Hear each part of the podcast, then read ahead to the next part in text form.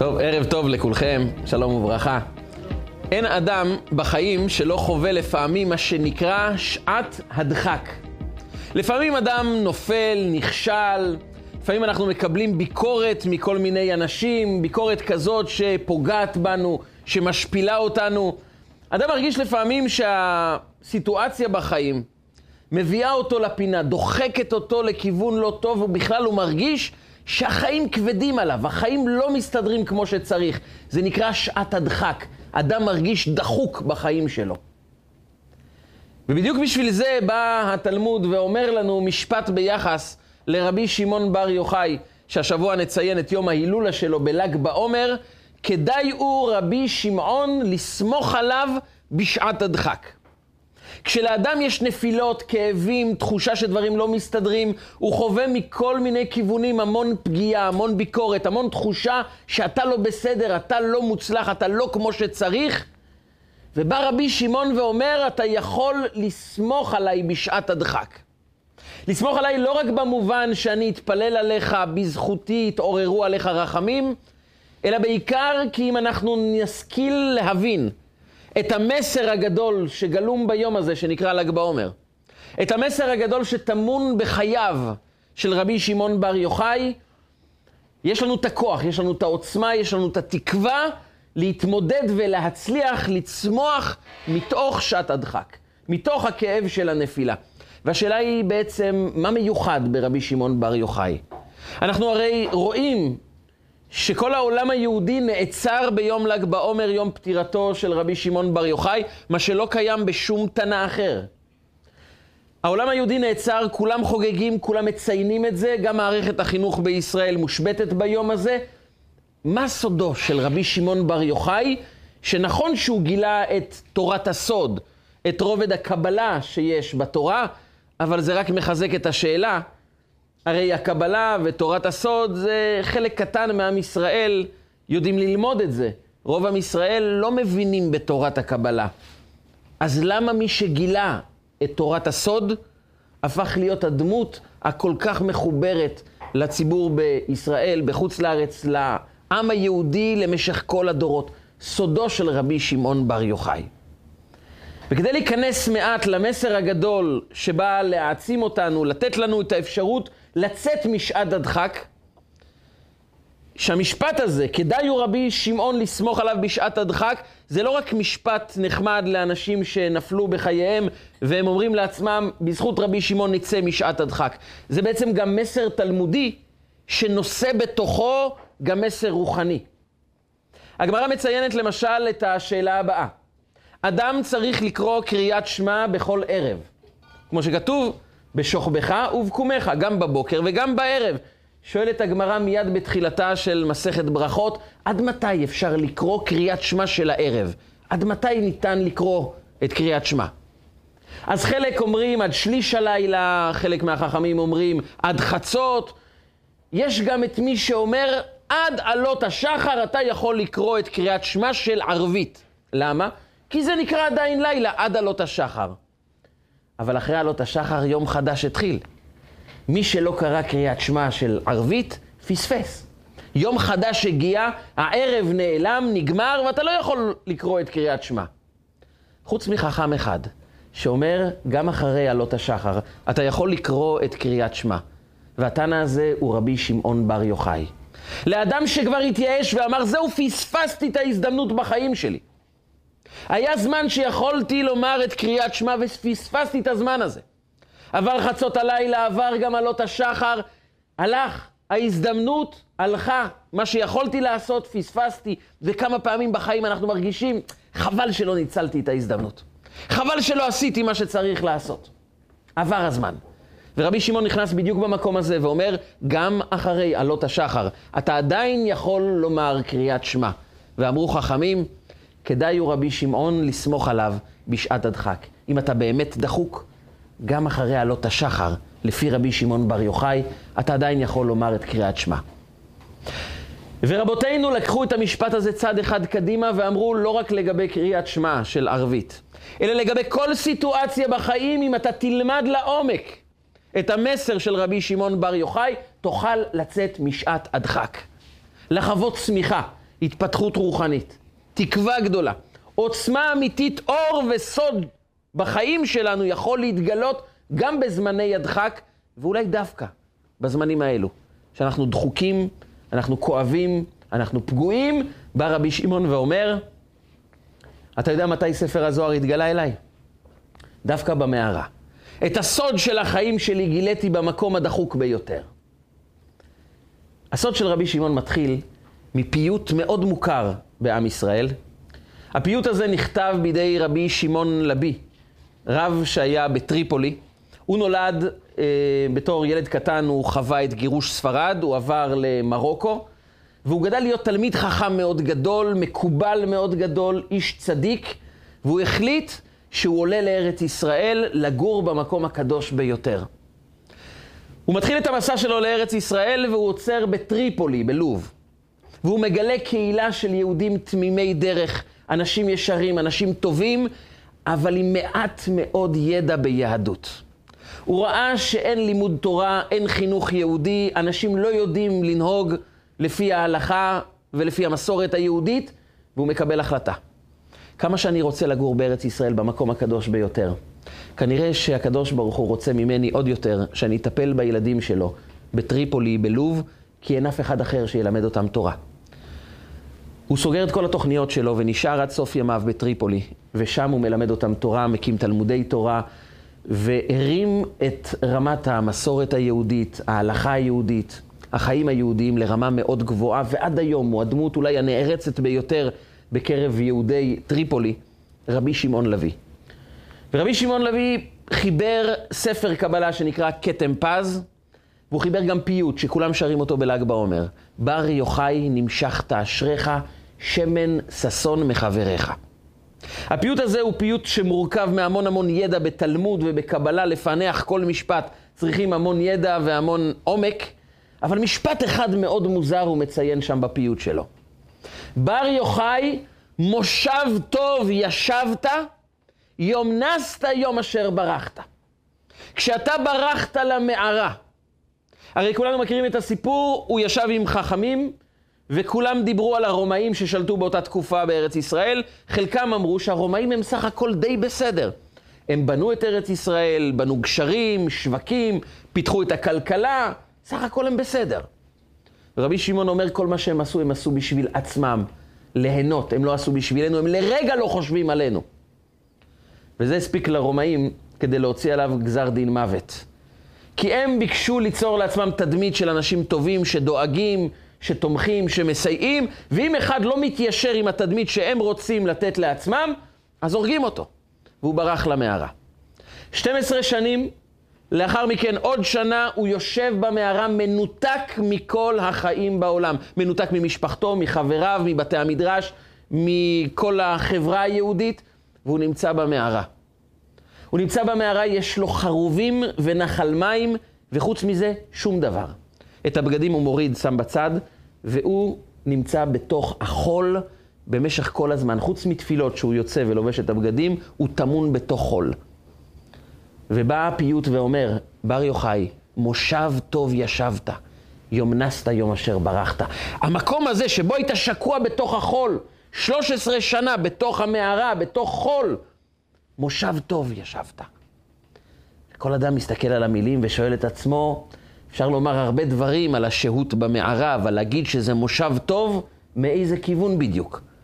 הרי התלמוד בעצמו מספר לנו שכאשר הוא כבר יצא, לאחר 13 שנה מהמערה. רבי פנחס בן יאיר, שיש שאומרים שהוא היה החתן שלו, יש שאומרים שהוא היה חמיב, כך או כך הוא לוקח אותו לבית המרחץ, אחרי 13 שנה שהוא היה בחול. וכשהוא מביא אותו לבית המרחץ, פתאום הוא מגלה כמה הגוף פצוע, כמה הוא סדוק, כמה רבי שמעון בר יוחאי סבל, הוא רואה גוף שעבר ייסורים. כולו סדקים, כולו פצעים, גוף מצולק. והוא מתחיל לבכות. מסתכל עליו רבי שמעון ואומר לו, למה אתה בוכה? והוא אומר את המשפט הבא, אוי לי שראיתיך בכך. כמה צר, אוי לי, שאני רואה אותך עם גוף שסבל כל כך הרבה, בעיניים רואים גוף שעבר טרגדיה כל כך נוראית, סבל כל כך גדול. ורבי שמעון אומר לו, לא, אשריך שראיתני בכך. אשריך שראית אותי במצב הזה. שאם לא היית רואה אותי כך, לא היית מוצא בי כל כך הרבה תורה. הוא סבל סבל רב, אבל בא רבי שמעון לביא בפיוט בר יוחאי ואומר, מושב טוב ישבת. כי רבי שמעון בר יוחאי אומר לרבי פנחס בן יאיר, המבט שונה. אתה מסתכל על הסבל של הגוף, אבל אני רוצה לומר לך דבר אחר. זה לא שסבלתי, אשריך שראית את הסבל שלי. וממשיך, ממשיכה הגמרא ומספרת שלפני שרבי שמעון בר יוחאי נכנס למערה, היה לו המון שאלות בתלמוד. המון שאלות היו לו. הוא פנה לפנחס, רבי פנחס בן יאיר והיה שואל אותו את השאלות, ועל כל שאלה היה מתרץ לו רבי פנחס בן יאיר 12 תירוצים, 12 תשובות. כשרבי שמעון בר יוחאי יצא מהמערה, כבר לא היו לו שאלות לרבי פנחס בן יאיר. והשאלות שהיו לרבי פנחס בן יאיר, הוא היה שואל את רבי שמעון, שהוא היה מתרץ לו 24 תשובות. אם לפני המערה היו לו שאלות לרבי פנחס בן יאיר, אחרי המערה, כבר מה שרבי פנחס בן יאיר רבו לא הבין, הוא שואל כעת את רבי שמעון והוא מקבל 24 תירוצים פי שתיים ממה שהוא היה יודע לתרץ פעם. אומר לו, אתה יודע מאיפה זה מגיע? זה מגיע מאשריך שראיתני בכך. אשריך שראית את הסבל של הגוף שלי. שמה קיבלתי את ההתעלות הגדולה. מושב טוב ישבת, יום נסת, יום אשר ברחת. זה מושב טוב. וכאן אומר לו רבי שמעון, יש כאן מסר מאוד עמוק, שהוא סוד חיי. זה הסוד של היום של ל"ג בעומר, זה הסוד של רבי שמעון, וזה הסוד שגילה את תורת הסוד. זה הסוד שגילה את האור הגדול שיש בספר הזוהר, מלשון אור, שמי שמבין את הסוד הזה, מאיר את החיים שלו. אומר לו רבי שמעון, אשריך שראית את הסבל שבגוף שלי. והשאלה היא, למה אשריך? למה זה טוב לראות את הסבל של הגוף? תאמר שמצד אחד היה סבל, אבל בוא נתמקד בחצי הכוס המלאה. בסדר. היה התעלות רוחנית, למדת את ספר הזוהר, צמחת, התעלית, שם קנית הודך והדרך, מצוין. אבל איך זה מסביר שטוב לראות את הגוף שסבל? מאיזה כיוון? תגיד, אל תתמקד ברע, תתמקד בטוב, אנחנו יכולים להבין. אבל רבי שמעון הולך בעומק יותר. הוא אומר, אני רוצה שתדע שהסבל בעצמו הצמיח אותי, הגדיל אותי, הפך אותי למי שאני היום. רבי שמעון בא ואומר לו, אתה יודע, מה קורה לנו בחיים, אין לנו כל כך הרבה שליטה. או יותר נכון, אנחנו לא שולטים על זה. הקדוש ברוך הוא מזמין לכל אחד את מה שיקרה לו בחיים. אבל יש דבר אחד שיש לנו שליטה תמידית. זה איך אנחנו בוחרים להסתכל על זה. הפרשנות היא רק שלנו. אנחנו אלו שבוחרים איך להסתכל על הסיטואציה, איך להסתכל על המקרה הזה. ואתה יודע, כשנכנסתי למערה, ברגע אחד אתה המבוקש מספר אחד של השלטון הרומאי, והם רוצחים בדם קר, לא אכפת להם מאף אחד. אתה הופך להיות נרדף. רבי שמעון בר יוחאי מבין שהוא חייב להימלט גם מהמשפחה שלו, כדי שלא יוכלו לחלץ בעינויים את הסוד איפה הוא נמצא מאשתו, משאר המשפחה, ולכן גם אשתו לא יודעת איפה הוא נמצא. הוא בורח למערה לבד, מנותק מהמשפחה, מנותק מהחברה, מנותק מחיי הרוח שהיו בעם ישראל, מנותק מבית המדרש, לבד, בלי שום דבר, חוץ מחרובים ונחל של מים שהיה שם. אומר רבי שמעון, אתה יודע, איך אני אמור להסתכל על חיים כאלה? איך אדם אמור להגיב על סיטואציה כזאת, על צורת חיים שפתאום נחתה עליו בבת אחת? אתה יכול להתלונן, אתה יכול לכאוב, אתה יכול לכעוס, אתה יכול להתמרמר, אתה יכול לומר למה זה הגיע לי, מה בסך הכל עשיתי? אתה אומר את האמת ואתה לא יכול לחיות, וזה מגיע לצדיק שככה יקרה לו בחיים? אני יכול להתלונן, אני יכול לבכות, אני יכול להגיד כמה זה כואב, אני יכול להסתכל על הגוף הפצוע ולומר למה זה מגיע לי. אבל אני רוצה לשמוע את הסוד שטמון במקרה הזה שקרה לי. והסוד אומר, אל תסתכל על החיצוניות, תסתכל על המסר.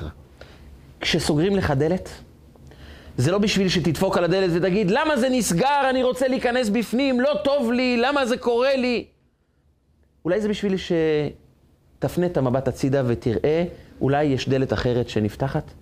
אולי יש משהו חדש שיכול להתחיל בחיים שלך? אולי כשסוגרים דלת זה בשביל לומר לך, אתה צריך להתעסק עם משהו אחר? ואני שמעתי את המסר העמוק של הישיבה במערה. זה לא רע, זה לא סבל, זה לא כישלון וזה לא משהו שלא מסתדר בחיים. זה בעצם לומר, רבי שמעון, עכשיו זו הזדמנות חייך. עכשיו הגוף צריך לקחת רגע מסוים ניתוק. עכשיו אל תחיה עם הגוף, עכשיו תתמקד רק בסודה של הנשמה. רבי שמעון בר יוחאי מוריד את הבגד, נכנס בתוך החול וטומן את עצמו 13 שנה בתוך סודות התורה. הוא אמר, זה שהגוף שלי כעת סובל, הוא לא בא לספר לי כמה אני מסכן, הוא בא לספר לי שיש משהו מאוד עמוק בחיים שלי שמתחיל. יש משהו טוב שמתחיל לצמוח, יש אור גדול שמתחיל לצוץ ולפרוח בתוך החיים שלך. הגוף סובל, אבל אם תשמע את העומק של הסבל, אתה תשמע רבי שמעון, תתמקד עכשיו ברוח, תתמקד בנשמה, אתה תגלה אור גדול שיאיר את חייהם של עם ישראל לדורי דורות. אתה תגלה משהו חדש עבור העם הזה. אתה תהפוך להיות אלומת אור עבור כל היהודים בכל הדורות. ואני שמעתי את הסוד הזה מדבר אליי. אני שמעתי שמתוך הסבל הזה יש בעצם איזה אור שמתחיל. הגוף קיבל את הזיכוך שלו. הפצעים שאתה רואה זה בעצם זיכוך של הגוף, שאומר בעצם, אני כעת לא מפריע. אתה פנוי לגמרי לגלות את סודה של הנשמה. ומי שיכול להאיר את חייו, זה מי שיודע מה הסוד של כל סיטואציה. אמרו בחסידות שרז, רז במובן של סוד, זה בגימטריה 207. אור בגימטריה 207. והסבירו בחסידות שמי שיודע את הסוד של כל סיטואציה, יכול להעיר אותה. כי אור מגיע מסוד. סוד התורה וספר הזוהר הם שני דברים שקשורים יחד, כי הסוד של כל מקרה בחיים שלנו מגלה לנו את האור שיכול לצמוח. אין מקרה קשה ככל שיהיה שלא יכול לבשר לנו בשורה של אור. השאלה אם רק אם אנחנו בוחרים להתמקד בפרשנות החיובית או בפרשנות השלילית, וזה לגמרי נתון רק בידיים שלנו. ואומר לו רבי שמעון, אל תתמקד בכאב. אתה אומר, אוי לי שראיתיך בכך. אוי לכאב, אוי כמה זה נורא לראות את הסבל של הגוף, אבל אני אומר לך, הסוד של החיים זה אשריך אשר ראיתני בכך. אשריך אשר ראית את זה. כי זה מה שנתן לי את האור הגדול בחיים, שאני הבנתי שבכל רע, אם אני בוחר לא לפרש אותו כרע, אלא לפרש אותו כבשורה שבאה להצמיח אותי, ואני עסוק רק בשאלה הזאת, מהי הבשורה שמסתתרת כאן? ברור לי שיש בשורה, ברור לי שיש אור שמסתתר, אני רק עסוק בלברר מהו אותו אור. אני פחות ופחות עסוק בלהאשים את כל העולם, פחות ופחות עסוק רק בלרחם על עצמי ולומר כמה הסיטואציה לא טובה, ובמקום לשקוע בתוך החול ולומר לעצמי כמה אני מסכן ולאבד את חיי ברחמים עצמיים ובלהאשים את כל העולם, אני במקום זה הופך את זה למושב טוב, מושב שמצמיח אותי. ומכאן הגיעה ההתעלות הגדולה של רבי שמעון. והאמת היא שהוא למד את זה מעוד אדם שישב במושב טוב. יוסף הצדיק. יוסף הצדיק מספר את התורה בגיל 17. יוסף הצדיק בגיל 17, בן 17 שנה היה רואה את אחיו בצאן. הוא היה מדבר עם אבא שלו, לומד עם אבא שלו מאוד קרוב לאבא, והאחים שנאו אותו, כי יעקב אהב את יוסף מכל אחיו. הם קינאו בו, שנאו אותו. בנוסף לכך, הוא גם היה מספר לאבא שלו כל דבר, וזה גרם להמון המון מריבה, כעס, והאחים לא סבלו אותו, שנאו אותו. ויום אחד אבא שלו מבקש ממנו בגיל 17, לך תראה את שלום אחיך. יוסף הצדיק יודע שאם הוא יבוא לדרוש בשלומם, הם יגידו לו שלום על החיים שלו. הוא יודע שהוא נמצא במצב לא טוב, שעת הדחק. והוא אומר, אבא שלי ביקש ממני, אני הולך. ובגיל 17, 17 בגימטריה טוב, הוא אומר לעצמו, אני נמצא בגיל טוב, ורק טוב יבוא לחיי. ובגיל 17 הוא הולך לראות את שלום אחיו, הם רואים אותו מרחוק ומתכננים את החיסול שלו. הם תופסים אותו וזורקים אותו לבור, אומרת התורה, והבור ריק אין בו מים. אומרים חכמינו, מה כן יש בבור הזה? מים אין בו, אבל נחשים ועקרבים יש בו. בגיל 17, ילד יתום, אומלל, כל המשפחה שונאים אותו, זורקים אותו לתוך בור, והוא רואה נחשים ועקרבים סביבו, והוא מתחנן, התורה מעידה שהוא התחנן על נפשו, תצילו אותי. ואף אחד לא שומע אותו. הוא לבד. ואחרי החוויה הכל כך קשה בתוך הבור עם נחשים ועקרבים, שולפים אותו משם, מוכרים אותו לישמעאלים, למצרים, והוא הופך להיות עבד במצרים. עולם שונה לגמרי, שפה אחרת, תרבות הפוכה מתרבות הקדושה שהייתה לו אצל אבא שלו. הוא חי בין אנשים מזוהמים, בהמיים, אנשים אכזריים, והופך להיות עבד במצרים. בדיוק ההפך מכל מה שהוא חווה בילדותו אצל אבא שלו. ומה אומר לעצמו יוסף הצדיק? הוא אומר לעצמו, אני בן 17, 17 בגימטריה טוב, יש טוב בכל סיטואציה. הוא מתחנן על נפשו, הוא סובל, אבל הוא אומר, יש לי איזה לימוד שאני למד כאן לחיי. יש כאן משהו טוב, אני לא יודע מהו, אבל אני מוטרד רק מהשאלה הזאת, מה הטוב הגדול שהולך לצמוח כאן? והוא אומר, אם נגזר עליי להיות כעת עבד, אצל פוטיפר, זה מה שאני אעשה ובצורה הכי טובה, כי זו שליחות חיי כנראה. אז אני אעשה את זה בצורה מושלמת. זה מה שאתה רוצה ממני, ריבונו של עולם? זה מה שאני אעשה. יש פה טוב, אני עדיין לא יודע מהו, אבל ברור לי שיש טוב. והטוב רק מתגבר. יום אחד אשת פוטיפר רוצה להחטיא אותו, והיא תופסת בבגדו, ותתפסהו בבגדו, והיא מבקשת להחטיא אותו, ויעזוב בגדו אצלה, וינוס החוצה. הוא עוזב את הבגד אצלה והוא נס החוצה.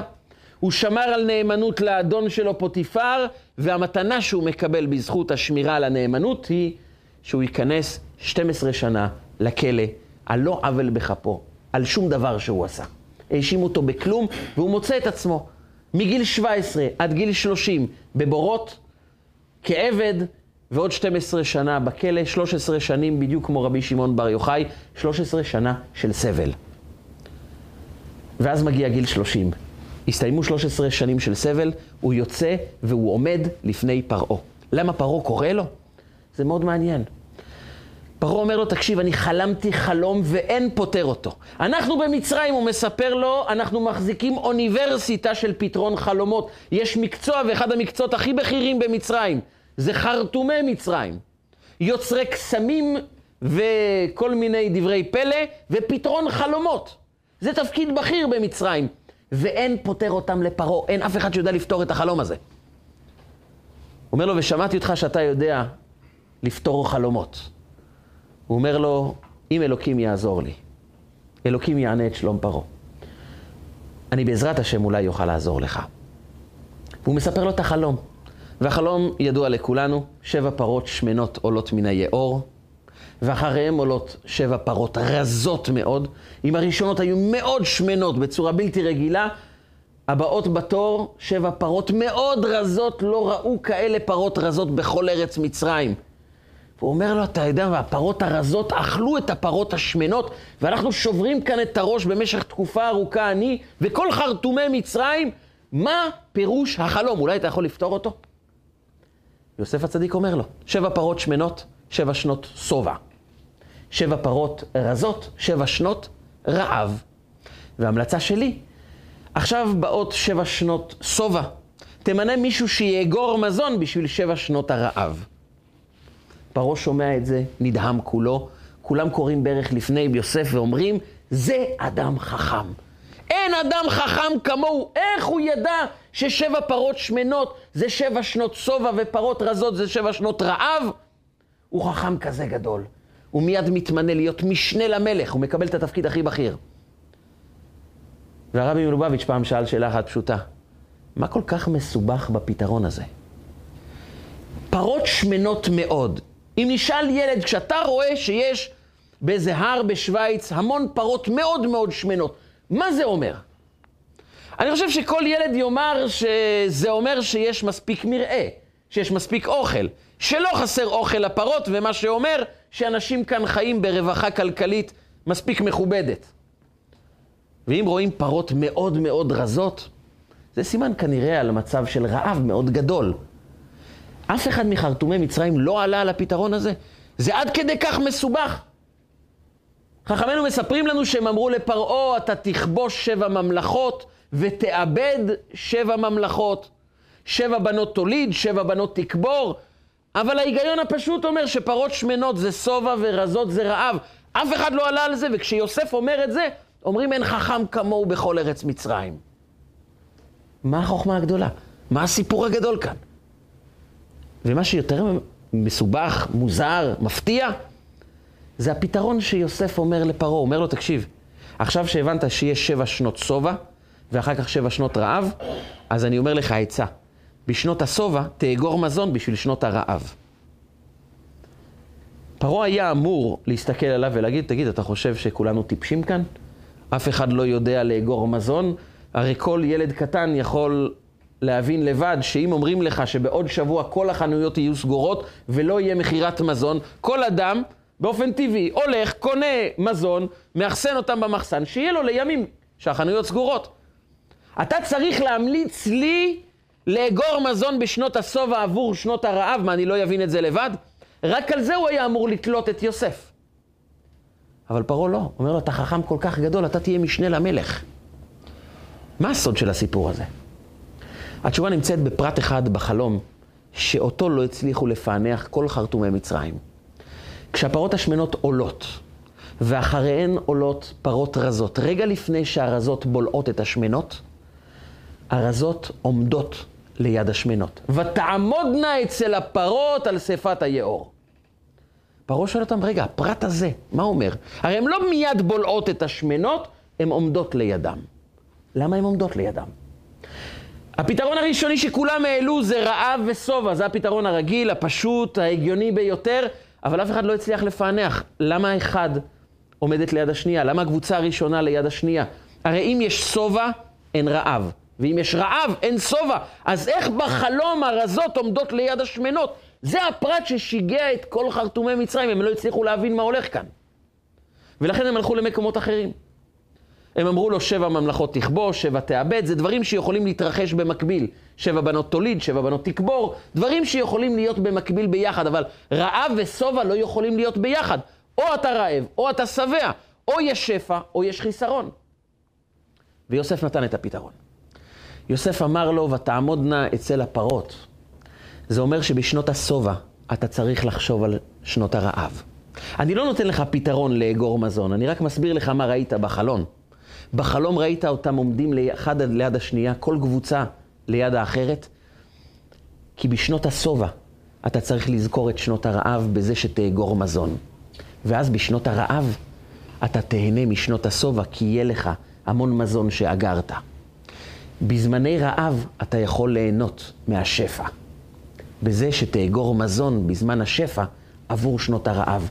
ואז בזמנים של דחק, בזמנים של רעב, בזמנים של כאב, אתה תמיד תוכל ליהנות מצמיחה, ממזון, מהתפתחות. כי ידעת בשנות השובע לקחת אנרגיה וכוח עבור שנות הרעב, וברעב תמיד תדע, יש כאן גם שובע. שמסתתר כאן.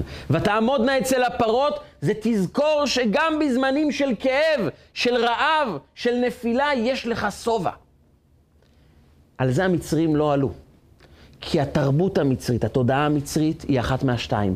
או שאתה על גג העולם מיליונר, מוצלח, כולם מפרגנים לך, אתה מכובד, או שאתה מסכן, נפלת, נכשלת, לא הצלחת, אף אחד לא מסתכל עליך. יש אחד מהשתיים ואתה לא יכול להיות בשניהם ביחד. או אתה על הגובה או נפלת, או אתה מוצלח או אתה כישלון, או שובע או רעב, שניהם לא יכולים לעמוד יחד.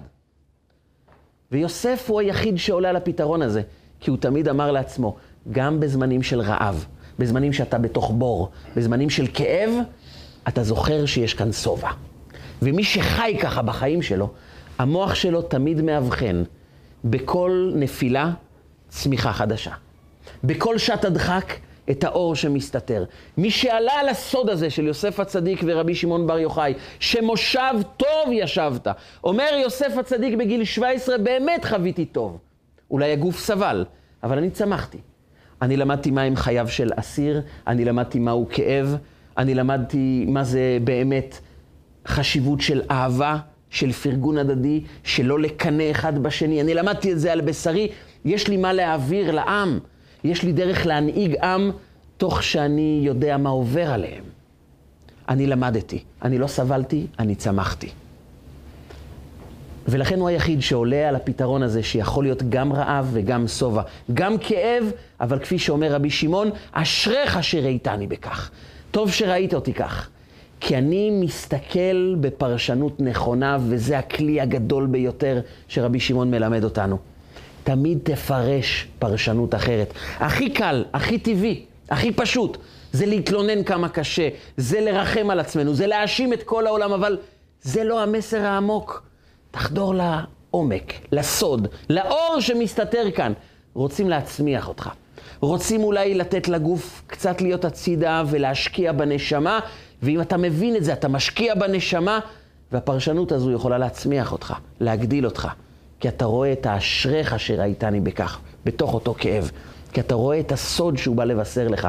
אתה תצמח, אתה תגדל, ומי שמגלה את הסוד של הסיטואציה, מגלה את הסוד של חייו, ויכול לגלות את תורת הסוד גם בתורה.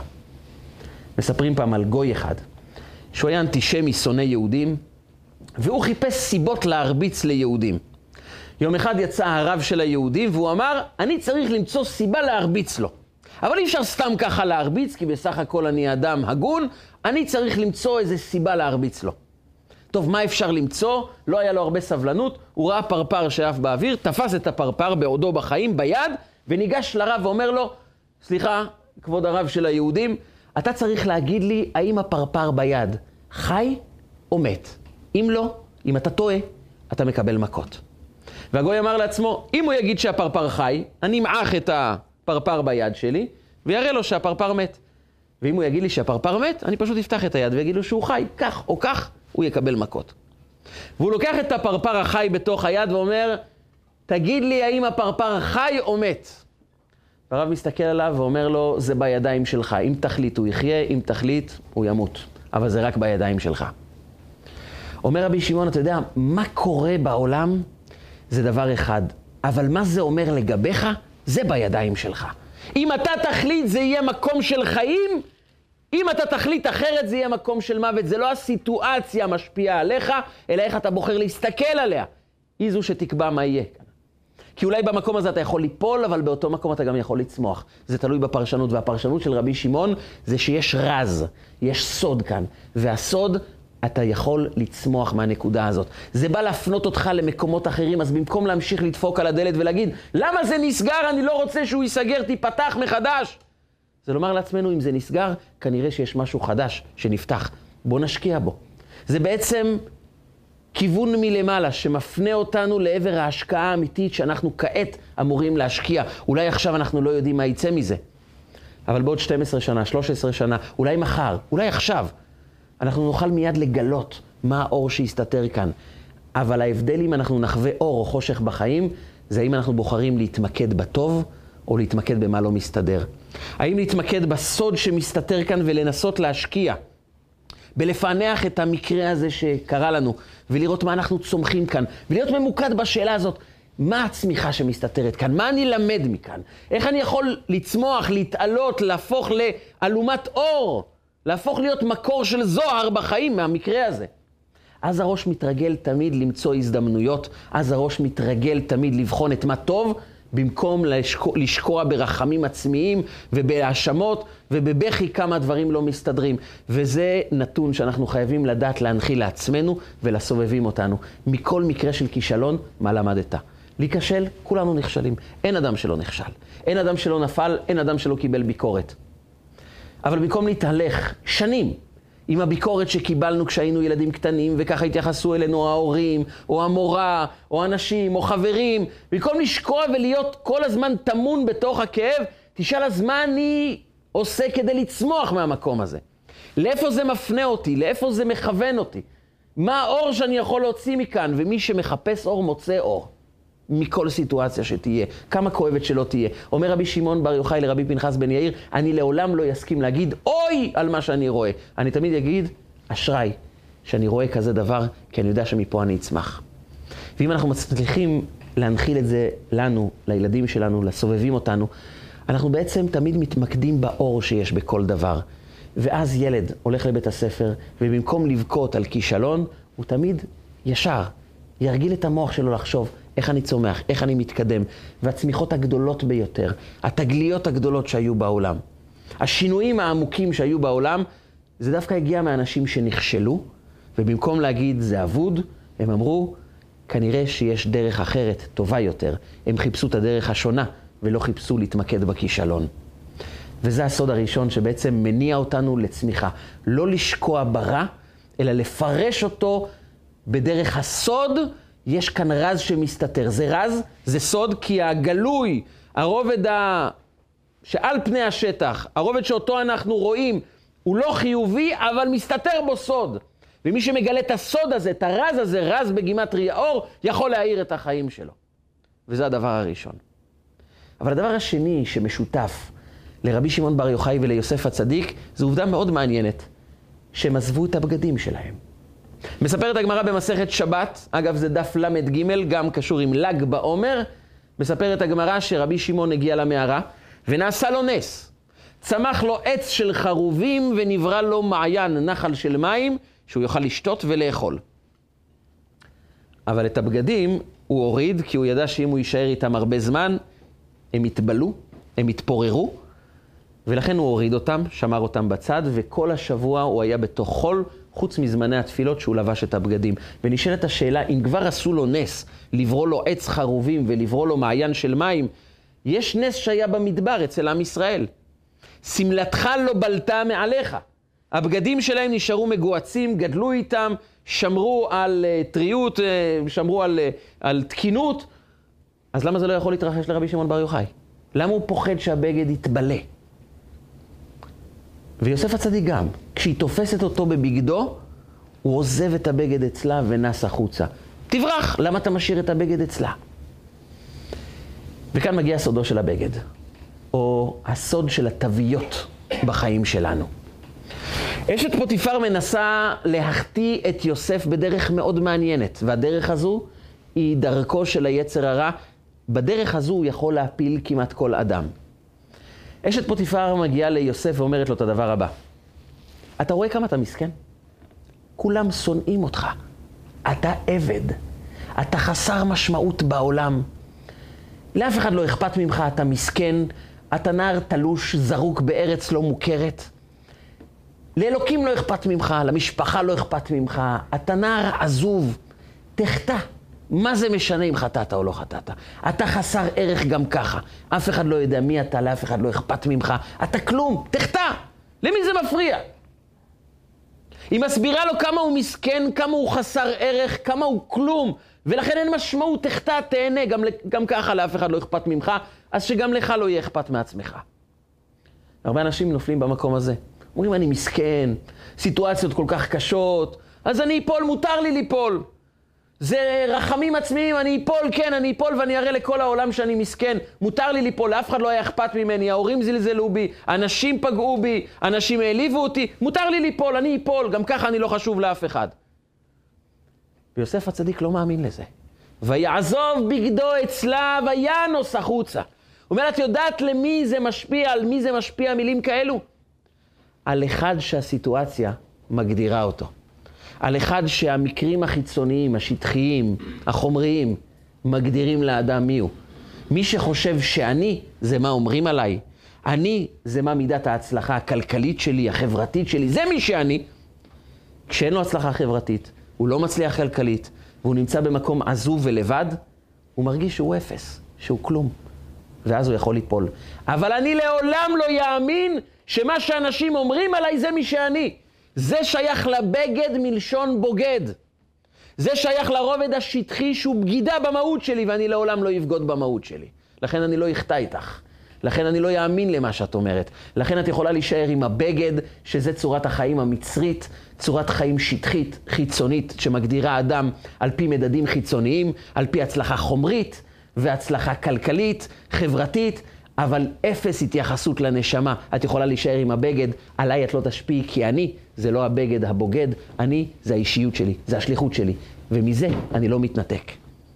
את לעולם לא תפגעי בי, את לעולם לא תוכלי להשפיל אותי, כי אני זה לא החיצוניות, אני זה הפנימיות. הוא שומר על נשמתו, הוא שומר על זהותו, אולי הוא מבלה בגלל זה עוד 12 שנים בכלא, אבל הוא נשאר יוסף, השליט על סיטואציות חייו, על מה שמתרחש בחיים שלו. הוא נשאר שליט. אדם תמיד הוא שליט בחיים שלו, לא משנה אם אנשים יתייחסו אליו או לא יתייחסו אליו, אם יש לו כסף או אין לו כסף, אתה תמיד יכול לשלוט בחיים שלך. כי אתה מחליט, אני שומר על הזהות שלי, ואת זה אף אחד לא ייקח ממני. רק בתרבות שמגדירה אדם על פי כמה כסף יש לו, תרבות קלוקלת, מושחתת, בזויה כל כך, ששואלת כמה האדם הזה שווה, ומתייחסים לכמה כסף יש לו בחשבון הבנק, זה שווי של אדם, זה מה שמגדיר את האישיות שלו. זה נכון לחיות בצורה כזאת? ויוסף אומר לה, תישארי עם הבגד. אני לא נמצא בסיפור הזה, אני רחוק משם. אני שומר על אישיות, על שליחות. אולי השליחות שלי לא מוצאת חן בעיני רוב האנשים, אולי זה לא נראה משהו מיוחד עבור הציבור, אולי לא כולם מוחאים לי כפיים ואומרים לי כמה מכובד אתה. זה לא מעניין. זה לא מבטא לרגע אחד את השליחות, מה אנשים יגידו. השליחות שלי לא נקבעת על פי מה אנשים יגידו. ערך של אדם לא נקבע על פי מה אנשים אומרים עליו, על פי התוויות שמגדירים אותו. הוא בתפקיד כזה, הוא בכיר כזה, יש לו הצלחה כזאת, קריירה כזאת, רזומה כזה, יש לו ערך כזה בחברה. השליחות שלך היא הדבר הגבוה ביותר שאתה יכול לעשות עבור עצמך, בין אם זה מוצא חן בין האנשים, ובין אם אנשים, זה לא מוצא חן ביניהם, בין אם אנשים מעריכים את זה, או שזה פחות תופס את הציבור. אם אתה נאמן לזהותך, את הבגד אתה יכול להשאיר בצד, ואז אף אחד לא יכול לפגוע בך. יכולים לפגוע רק במדדים החיצוניים של האדם. בשליחות שלו, לא יפגעו. זה שליחות חיי. בשביל זה נשלחתי לעולם, זה מי שאני, וזה הדבר הטוב ביותר. ורבי שמעון בר יוחאי גם נכנס למערה ואומר, אני מסרב להסתכל על הבגד. אני מסרב להסתכל על המדדים החיצוניים. עכשיו נכון, אולי אני לא קשור למשפחה, אולי אני רחוק מהחברים. הסיטואציה הזאת לא נעימה, אבל לא בגד מגדיר אותי. אני בא לגלות את הסוד בחיים, ובשביל לגלות את הסוד, מבחינה רוחנית אנחנו צריכים להיפרד מהבגד שבוגד בנו. מהתפיסה הזאת של אדם קם בבוקר ואומר, מה חושבים עליי? איך מסתכלים עליי? כמה מעריצים אותי? כמה אני מרוויח? איך השכנים מסתכלים עליי? ואדם מסתכל על עצמו דרך העיניים של החבר, זאת אומרת שהוא חי בעולם הבגד במקום בעולם האישיות האמיתי שלו. ורבי שמעון בר יוחאי אומר, אני הבנתי את המסר של המערה, תיפרד מהבגד, תיפרד מהחיצוניות ותצלול לתוך עומק הנשמה שלך. שם קנית הודך והדריך. מפה אני צומח, כאן אני גדל. כאן אני הופך להיות אדם גבוה יותר. הוא נפרד מהבגד כי הוא אמר לנו, אל תגדיר את עצמך אף פעם עם התוויות ששמים עליך. אפשר לפגוע בבן אדם רק כאשר הוא מגדיר את עצמו לפי מדדים חיצוניים. אז אפשר לפגוע בו. אפשר להגיד לו, אתה לא חכם, אתה לא מוצלח, אתה לא מכובד, אין לך בית יפה, אין לך רכב מפואר. אבל אם אדם מבצע את שליחותו, הוא אומר, אבל זה לא אני. אתם יכולים להישאר עם הבגד, זה לא אני. יוסף אומר לאשת פוטיפר, אבל זה לא אני, טעית בכתובת. את מדברת על בגדים, לא עליי. רבי שמעון אומר, אני צולל לעומק, לסודות של החיים. תשמרו את הבגד בצד, זה בוגד באישיות שלנו. אנחנו נדרשים לשאלה, האם לא נתנו קצת יותר מדי מקום לתוויות בחיים שלנו? האם לא קצת יותר מדי אנחנו מזהים את עצמנו עם המדדים החיצוניים, במקום לזכור מי אנחנו? וילד משווע לזה שההורים שלו יגידו לו, אתה זה לא ההצלחה במבחן. אתה זה לא מה אומרים עליך המורים. אולי זה נחמד, אולי זה יפה, אבל אתה זה שליחות חייך. אתה מתנהג כמו שצריך, אתה נאמן למי שאתה. גם אם אף אחד לא ידע מזה. גם אם אף אחד לא מחא לך כפיים. אולי קיבלת 40 במבחן, אבל אנחנו יודעים שהשתדלת, שהתאמצת, שהשקעת. האישיות שלך נמצאת פה. המדד החיצוני לא טוב. את הבגד אתה יכול לזרוק בצד. אנחנו יודעים שהצלחת. אנחנו יודעים שהצלחת כי היית נאמן למי שאתה השקעת, השתדלת, הבאת לידי ביטוי את האישיות שלך, אז גם אם הציון הוא נמוך, אנחנו לא נמדוד אותך לפי ציון נמוך. אנחנו לא נמדוד בן משפחה לפי ההצלחה הכלכלית שלו, החברתית שלו, למרות שאנחנו חיים בתוך עולם שמיד מסתכל על אנשים מפורסמים, אנשים מכובדים, אנשים עם מקצוע טוב, אנשים עם הצלחה כלכלית מאוד גבוהה, מיד אנחנו מתייחסים אליהם בכבוד. אבל האמת היא שאנחנו צריכים להתייחס לנשמתו של האדם, זה מי שהוא באמת. האדם שמקבל גם הרבה כבוד בזכות מדדים חיצוניים, הוא אומלל במובן מסוים. הוא אומלל כי אף אחד לא רואה אותו, רואים רק את הדברים החיצוניים שבו. והוא יודע בעומק נפשו שאם ייקחו את זה ממנו, הוא כבר הופך להיות חסר ערך. וגם כשיש לו את כל הערך החיצוני, הוא יודע זה לא מי שאני.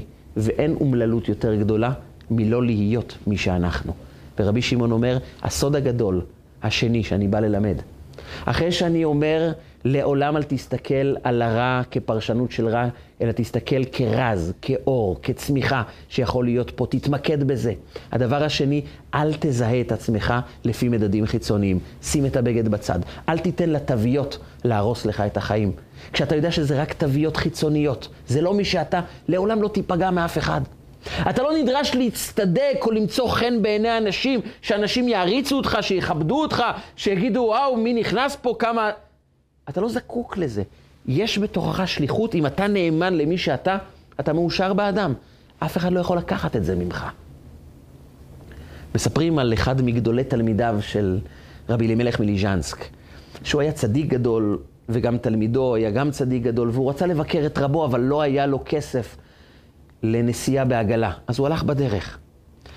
והוא ראה עגלון יהודי שנוסע על עגלה עם שתי סוסים, הוא סימן לו, אולי תוכל לעצור ולקחת אותי קצת, לאיפה אתה נוסע? אומר לו העגלון, אני נוסע לליז'נסק. הוא אומר לו, מצוין, גם אני נוסע לשם לראות את uh, האדמו"ר הגדול. אולי תוכל לקחת אותי איתך בבקשה? אני מצטער, אין לי כסף. אומר, אין לך כסף, מה אתה חושב? אתה בחינם תהיה פה? אין לך כסף, אתה בעוד כמה שעות תיקח את המושכות, ואני אוכל לנוח קצת, ואתה תנהיג את הסוסים, תתפוס את המושכות. אומר לו, בשמחה הייתי עושה את זה, אבל אתה יודע, אני לא יודע איך תופסים מושכות, אף פעם לא עשיתי את זה בחיים. אומר לו, אין כזה דבר, אתה תתפוס את המושכות, ואתה תנהיג את הסוסים שאני אוכל לנוח. אתה לא תהיה פה בחינם, תשב, ואני אתפוס את המושכות. הוא אומר, תראה, אני מוכן לנסות אם זה עוזר. עלה על העגלה, אחרי כמה שעות, אומר לו, תפוס את המושכות. הוא תופס את המושכות, אבל תוך כמה דקות כבר הסוסים התחילו להגיע, לזוז ימינה, שמאלה, העגלה התחילה להתנדנד, הוא מתעורר העגלון, מתחיל לצרוח עליו. טיפש אתה. אתה לא יודע איך תופסים מושכות. אתה לא יודע להנהיג עגלה. אתה לא יודע איך אה, שולטים על סוסים. כמה טיפש אתה, איזה עם הארץ אתה, אתה לא יודע איך מטפלים בעגלה ובסוסים. צועק עליו, מקלל אותו כל הדרך עד העיר ליז'נסק. וכשמגיעים לעיירה הם מתארגנים והולכים לבקר את הרב, ומיד שנכנס העגלון ביחד עם אותו תלמיד של רבי אלימלך, מיד כולם מזנקים על התלמיד ואומרים לו, ברוך הבא כבוד הרב. מיד הודיעו לאדמו"ר שהגיע גדול תלמידיו, והרבי אלימלך מיד יצא לקבל אותו ונכנס איתו לבד לחדר. שעה שלמה הם שוחחו בדברי תורה יחד, והעגלון רואה ולא מאמין למראה עיניו. אני קיללתי כל הדרך את גדול התלמידים של רבי אלימלך. איך עשיתי כזו טעות? איך יכולתי להתנהג ככה? הוא הולך לפינה ומתחיל לבכות, ממרר בבכי, ומיד כשהתלמיד יצא, הוא ניגש אליו בבכי, נפל לרגליו ואמר לו, סליחה, כבוד הרב, סליחה, לא ידעתי שאתה כזה צדיק, סליחה שקיללתי, שהעלבתי אותך, שביזיתי אותך כל הנסיעה. הרב אומר לו, תקום, תקום, לא ביזית אותי, לא אמרת לי כלום, מה אמרת לי? אומר, כן, אני קיללתי אותך שאתה לא יודע איך להנהיג סוסים, ואיך לנהל עגלה, ואיך לטפל בעגלה הזאת, ואיך uh, לדאוג לסוסים שלא יזוזו. אומר, ואתה צודק מאה אחוז, אני באמת לא יודע. לא העלבת אותי. אני באמת עגלון עם הארץ. אין לי מושג איך מנהיגים עגלה. אני ולהיות בעל עגלה, שני דברים שונים לגמרי. אתה צודק בכל מילה, לא טעית בכלום. לא נעלבתי, כי אתה פשוט צודק. זה לא אני פשוט. עבור העגלון, הקללה הכי גדולה שיכולה להיות זה אתה לא יודע לתפוס מושכות. זו הקללה הכי גדולה. כי הוא מזהה את עצמו עם תפקיד העגלון. אבל מי שלא מזהה את עצמו עם תפקיד העגלון, לא נעלב ממה אומרים עליו. לא נעלב מזה שהוא לא יודע להיות עגלון, הוא אומר לעצמו, אני באמת לא עגלון. כשאנחנו מזהים את עצמנו עם מדדים חיצוניים, אנחנו בעצם נותנים את מפתחות השליטה בחיים שלנו לאנשים אחרים. כל אדם שאומר, אני חייב את ההערצה של הסביבה, אני חייב שאנשים יכבדו אותי, יעריצו אותי, אה, אה, יגידו כמה אני טוב, אני חייב שיהיה מלא כסף, אני חייב שיהיה לי מה להראות לחברה כדי שיעריצו אותי. האדם הזה מעניק את מפתח חייו לאנשים אחרים, ואז כל אדם יכול בשנייה אחת להוריד אותו מכל הערך הפנימי שלו. פתאום אין לו כסף, פתאום אנשים מזלזלים בו, והוא מרגיש חסר ערך לחלוטין. כי הוא זיהה את עצמו עם מדדים חיצוניים. אבל אם אדם מזהה את עצמו עם שליחות חייו, מזהה את עצמו עם תפקיד חיובי, עם שאלה מה כעת אני צריך לעשות לטובת שליחות חיי כאן בעולם. אולי זה לא דבר גדול מאוד, אבל זה מה שמבקשים ממני, זה עיקר חיי, זה הופך להיות הדבר העיקרי בחיים שלי. ואם פגעו בי, העליבו אותי, זה תוויות חיצוניות, ואני יכול להוריד את הבגד ולומר להם, ויעזוב בגדו אצלו, ויאנו, אצלה וינוס החוצה. תישארו עם הבגד, הבגד זה לא אני, טעיתם בכתובת. וזה הדבר השני שאנחנו צריכים להנחיל לעצמנו ולילדים שלנו. תוויות זה לא מי שאתה. גם אם פגעו בך, העבירו עליך ביקורת, ביזו אותך, לא הצלחת, נכשלת, נפלת, זו תווית חיצונית. זה כמו אדם שהחולצה שלו התלכלכה, הוא לא מתחיל לבכות ולמרר בבכי כמה אני מלוכלך, כמה אני בזוי, הוא פשוט לוקח את החולצה, מכבס אותה, ולובש בינתיים חולצה אחרת. כי הוא לא מזהה את עצמו עם הלכלוך של החולצה, החולצה התלכלכה, לא אני. וכך גם על התוויות, זה בגד שהתלכלך. כשנפלת, זה בגד שהתלכלך, תכבס אותו, תלבש בגד אחר בינתיים. אבל זה לא אתה. למה אנחנו מזהים את עצמנו עם ביקורת שלילית, עם נפילות, עם כישלונות? זה לא מי שאנחנו. רבי שמעון בר יוחאי אומר, הסוד הוא שתדע שאתה זה שליחות חיים. ואם אנחנו מבינים שבכל רע יש מסר של טוב, יש את הסוד, את הרז שבא להאיר את החיים שלנו. אנחנו יודעים גם לומר לעצמנו ולילדים שלנו, אתה זה לא הבגד, אתה זה לא החיצוניות. אתה זה שליחות החיים. אתה מתחיל להאיר את החיים, אתה מקבל קרקע יציבה. אתה מפסיק להיות נשלט בידי אחרים, ואתה מקבל את המושכות, את השליטה, לידיים שלך. אז אתה יכול לצמוח. אתה יודע שאתה לא נתון לשליטה של אחרים, להחלטה של אחרים, אתה זה שמחליט. תפרש נכון את הרע כרז, כאור שמתחיל להצמיח אותי. תתמקד בשאלה איך אני מפה צומח. תאמר לעצמך שכל המדדים החיצוניים הם לא מי שאני, אני עוזב את הבגד וצולל למשמעות חיי. אז אתה מקבל ביטחון, יציבות, קרקע מוצקה. אתה שולט על הפרשנות של החיים שלך ואתה צומח בלי תלות באנשים אחרים. ואז גם, אתה לא מאבד תקווה. וזה הדבר השלישי והאחרון שמלמד אותנו רבי שמעון בר יוחאי. אומרים חכמינו על הפסוק, הנה ימים באים נאום השם והשלכתי רעב בארץ. לא צמא למים, לא רעב ללחם ולא צמא למים, כי אם לשמוע את דברי השם. חכמים אמרו בפסוק הזה כתוב, שיום יבוא ותשכח תורה מישראל. השלכתי רעב בארץ, לא רעב ללחם, לא צמא למים. לשמוע את דבר השם יהיה רעב, לא תהיה קדושה, לא תהיה תורה, לא יהיה צמיחה רוחנית. כך חכמים אמרו. קם רבי שמעון ואמר, תניא רבי שמעון אומר, חס ושלום כי לא תשכח מפי זרעו. לא יהיה לעולם זמן שהעם היהודי יאבד תקווה. כי לא תשכח מפי זרעו. אולי יהיה קשה, אולי יהיה מורכב יותר, אולי לא נמצא הלכה ברורה, כפי שאומר התלמוד. אבל לעולם לא תשכח תורה מעם ישראל. רגש של איבוד תקווה לעולם לא יהיה קיים כאן. רבי שמעון בר יוחאי אומר, מכל רע אתה צומח. התוויות זה לא מי שאתה, ולעולם אל תאבד תקווה, כי לא תשכח מפי זרעו. כל מי שבא לבקר בציונו של רבי שמעון בר יוחאי במירון, רואה שבכניסה, בשער העגול, כתוב את הפסוק, כי לא תשכח מפי זרעו.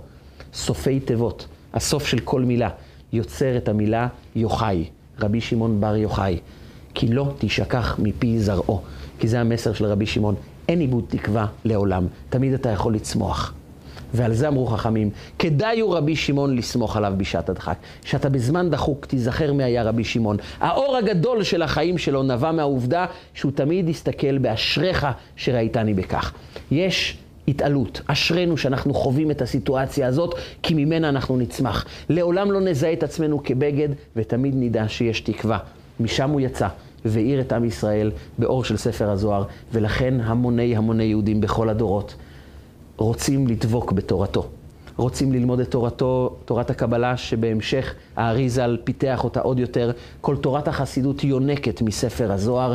הוא האיר את החיים שלנו עד היום, כי מי שמגלה את הסוד של החיים, יכול להאיר את החיים שלו, את החיים של המשפחה שלו, ואת החיים של כל עם ישראל. ומהאור הזה, אומר הקדוש ברוך הוא לרבי שמעון בר יוחאי, באי ספרא דילך, בספר הזה שלך, ספר הזוהר, תורת הקבלה, החסידות, פנימיות התורה, עם הדבר הזה, עם העוצמה הזאת, עם האור העמוק הזה, יצאו ברחמים מהגלות. כי כשאתה מאיר את חייך, אתה רואה את הכל בצורה של אור, אז ברחמים יכול, יכולים לצאת מכל שעת הדחק אל עבר גאולה שלמה, אל האור הגדול של החיים שלנו, שיבוא עם אורו של משיח צדקנו במהרה בימינו, אמן ואמן.